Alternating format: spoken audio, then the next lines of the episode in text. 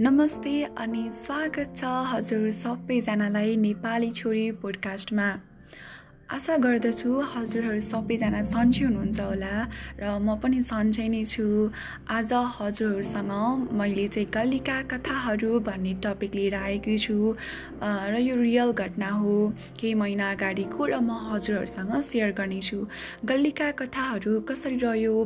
भनेर भन्नुपर्दाखेरि चाहिँ यो एउटा यस्तो व्यक्तिको कथा हो।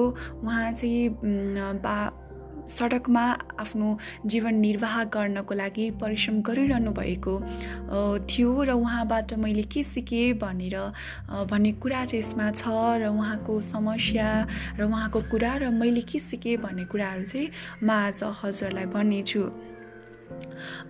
कुरा दुई तिन महिना अगाडिको हो। दिदी र म बजार गएका थियौँ अनि हामीले चाहिँ जुत्ता सिलाउन थियो अनि हामीले जुत्ता सिलाउनको लागि चाहिँ उहाँकोमा पुग्यौँ। अनि त्यसपछि उहाँ चाहिँ अलिक बिजी भयो जस्तो फोनमा जस्तो देखिरहेको थियो अनि एकछिन पखै नानी भन्नुभयो अनि हामीले हुन्छ भन्यौँ। अनि त्यसपछि एकछिन समयपछि उहाँ आउनुभयो। एकदम एकदम निराश अनुहार थियो मलिन एकदम तनावग्रस्तवाला अनुहार थियो अनि उहाँले आफै भन्नुभयो कस्तो समस्या छ बुहारी अस्पतालमा छ आइसियुमा एकदम गाह्रो छ। मैले आफै अब जीवन चलाउनको लागि मैले नै दुःख गर्नुपर्छ।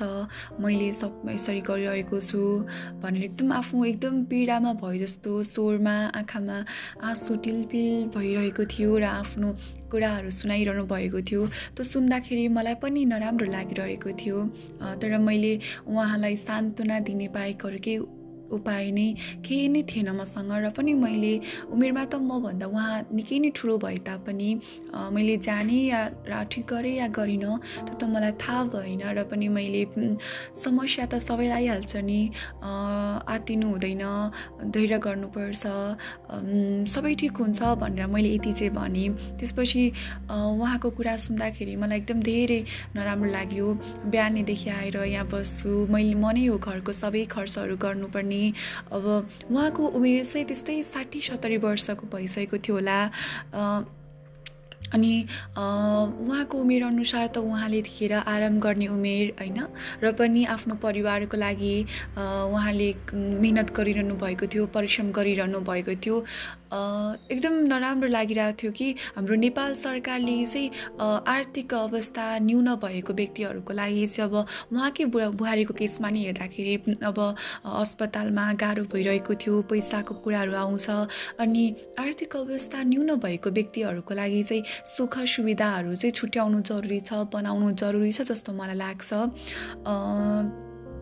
र त्यसपछि उहाँको कुराहरू सुनेर चाहिँ एकदम धेरै मलाई नराम्रो पनि लागिरहेको थियो र उहाँलाई देख्दाखेरि चाहिँ ममा एउटा पोजिटिभ एकदम सकारात्मक सोच होइन आफ्नो जिम्मेवारी उहाँले कति मजाले निभाइरहनु भएको छ कति धेरै साहसका साथ अगाडि बढिरहनु भएको छ र त्यो देख्दाखेरि चाहिँ म त अझ युवा अवस्थामा छु म ममा अझ जोस सागर छ म त मैले त गर्न चाहेँ भने संसारै जित्छुवाला जस्तो कुराहरू कुराहरू चाहिँ उहाँलाई देखेर मलाई फिल भयो त्यो कुरा चाहिँ।